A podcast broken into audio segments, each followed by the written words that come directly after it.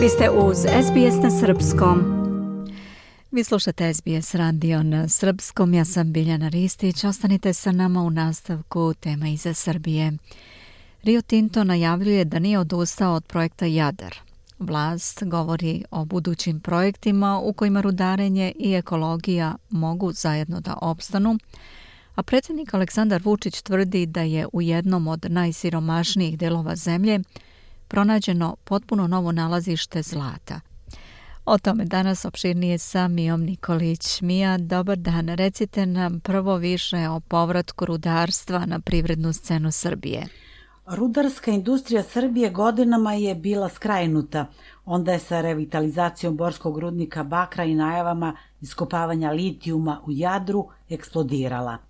Povratak rudarstva kao značajne industrijske grane na privrednu scenu strateškim partnerstvom sa kineskim Ziđinom i ulaskom kompanije Rio Tinto u finalnu pripremu rudnika litijuma kod Loznice otvorio je zlatnu eru, ali i žustru debatu da li su 200 milijardi dolara, koliko se procenjuju nalazišta rudna, razvojna šansa ili put u propast. Na jednoj strani su oni koji veruju da je reindustrializacija moguća tek ako se oživi rudarstvo i na toj osnovi nadogradi prateća prerađivačka industrija. Na drugoj nalaze se oni koji se zalažu za reindustrializaciju, ali se protive razvoju rudarskog sektora jer ugrožava životnu sredinu i zalažu se za čistu zelenu ekonomiju. Oko pitanja može li i jare i pare, za sada traje teška rovovska borba pristalica i protivnika rudarenja. Vlast ne odustaje od oživljavanja rudarske industrije na kojoj zasniva reindustrializaciju, pa je u tu svrhu pripremila i promovisala atraktivan i posticajan zakonodavni okvir. Lakim procedurama i niskom rentom, kao i početkom prošlog veka, privlači investitore da otkrivaju rudna nalazišta i da otvaraju rudnike. Uz ta sistemska rešenja stižu i uveravanja da će održivo rudarenje počivati na uvažavanju zelene agende. S druge strane barikada među protivnicima rudarskog biznisa su aktivisti iz ekoloških pokreta, ali i iz opozicionih stranaka i deo stručnjaka i nevladinog sektora, no čini se da među njima nema potpune saglasnosti.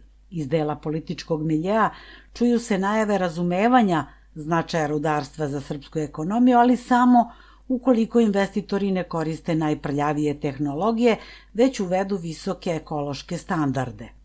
Za razliku od tih nešto pomirljivijih tonova, deo civilnog sektora i stručnjaka i dalje ima nepomirljiv stav prema rudarenju uopšte, prema Rio Tintu i iskopavanju litijuma pogotovu, ali i prema nedavnoj najavi eksploatacije novih nalazišta krečnjaka i zlata o kojima su onomad govorili čelnici države. Mija, šta se zna o novim nalazištima zlata i kalcita? Nova nalazišta izuzetno čistog nalazišta minerala, kalcita i zlata u jugoistočnoj Srbiji javnosti je sredinom decembra otkrio predsednik Aleksandar Vučić. U jednom od najsiromašnijih delova Srbije pronađeno je jedno od 80 najvećih nalazišta zlata – potpuno novo nalazište zlata na teritoriji naše zemlje, tako da kao da nas u poslednje vreme Bog pomalo pogleda, izjavio je predsednik, a njegovu konstataciju ubrzo je potvrdila i ministarka Dubravka Đedović. Ona je istakla da bi to značilo visoke prihode za državu i nova radna mesta, a njeno ministarstvo je otišlo korak dalje. Pored ocena da bi kalcijum u budućnosti mogao da zameni litijumske baterije sa tog mesta, upućena i tvrdnja da eksploatacija tog minerala neće imati bilo kakve ekološke posledice. Vađenje kalcijum karbonata je jednostavno, bezbedno i nije štetno po životnu sredinu, zahvaljujući savremenim tehnologijama koje se koriste u postupku, navodi se u saopštenju Ministarstva rudarstva i energetike. Oglasili su se i oni koji u tom procesu vide i tekako veliku opasnost. Iz organizacije Koalicija za održivo rudarstvo navode da se kalcit, kreda ili krečnjak nalazi u karbonatnim stenama, pa bi njegovo iskorišćavanje zahtevalo otvaranje novih kamenoloma. U sve savremene rudarske tehnologije to će neizostavno uticati na životnu sredinu i život ljudi u toj sredini – a svaka suprotna tvrdnja je uvreda za zdrav razum. Svako takvo rudarstvo ostavlja iza sebe praktično neupotrebljive regione i lokacije, te postoji mogućnost da su to 50 kvadratnih kilometara gde bi sva druga lokalna privredna aktivnost, uključujući poljoprivredu, šumarstvo, turizam i bilo šta drugo, uz upotrebu voda bili ugroženi, ocenio je Zvezdan Kalmar, iz pomenute koalicije za održivo rudarstvo. Mijana, koliko se u Srbiji procenjuju te rezerve kalcita? Geolog Branislav Božović kaže da ležišta kalcita u Srbiji nema mnogo. Na planini Venčac tu je veli na divnom mestu koje je spomenik prirode, država sebi otkinula vrh planine u Šumadiji.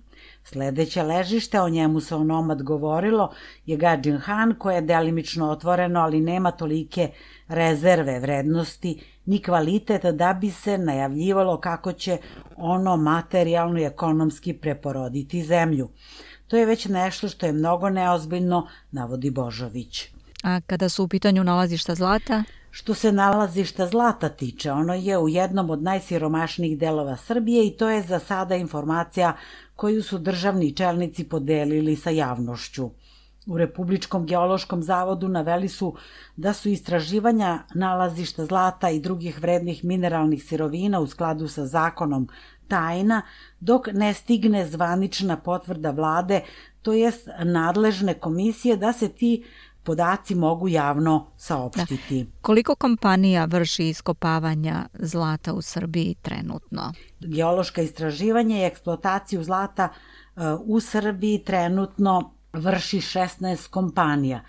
To su sa izuzetkom pet u većinskom domaćem vlasništvu, mahom e, strane kompanije, e, a što je uobičajena praksa u svetu, kako kaže geolog Predrag Mijatović, niko, osim tih stranih kompanija, nema konkretne podatke o čemu se radi i gde se nalazi nova zlatna žila zbog koje nas je Bog pogledao.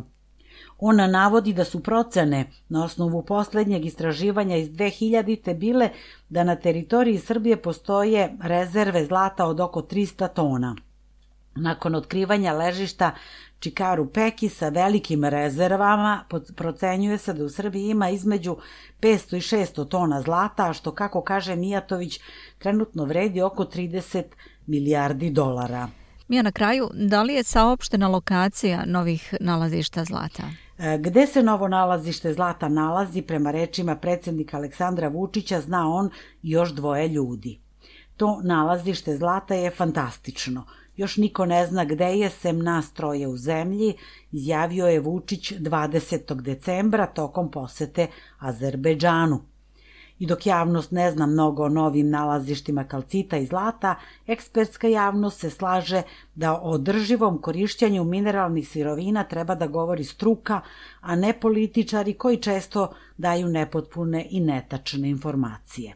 Istovremeno sa najavom planova o rudarenju kalcita i zlata oglasila se i kompanija Rio Tinto i saopštila da ne odustaje od iskopavanja litijuma u dolini Jadra.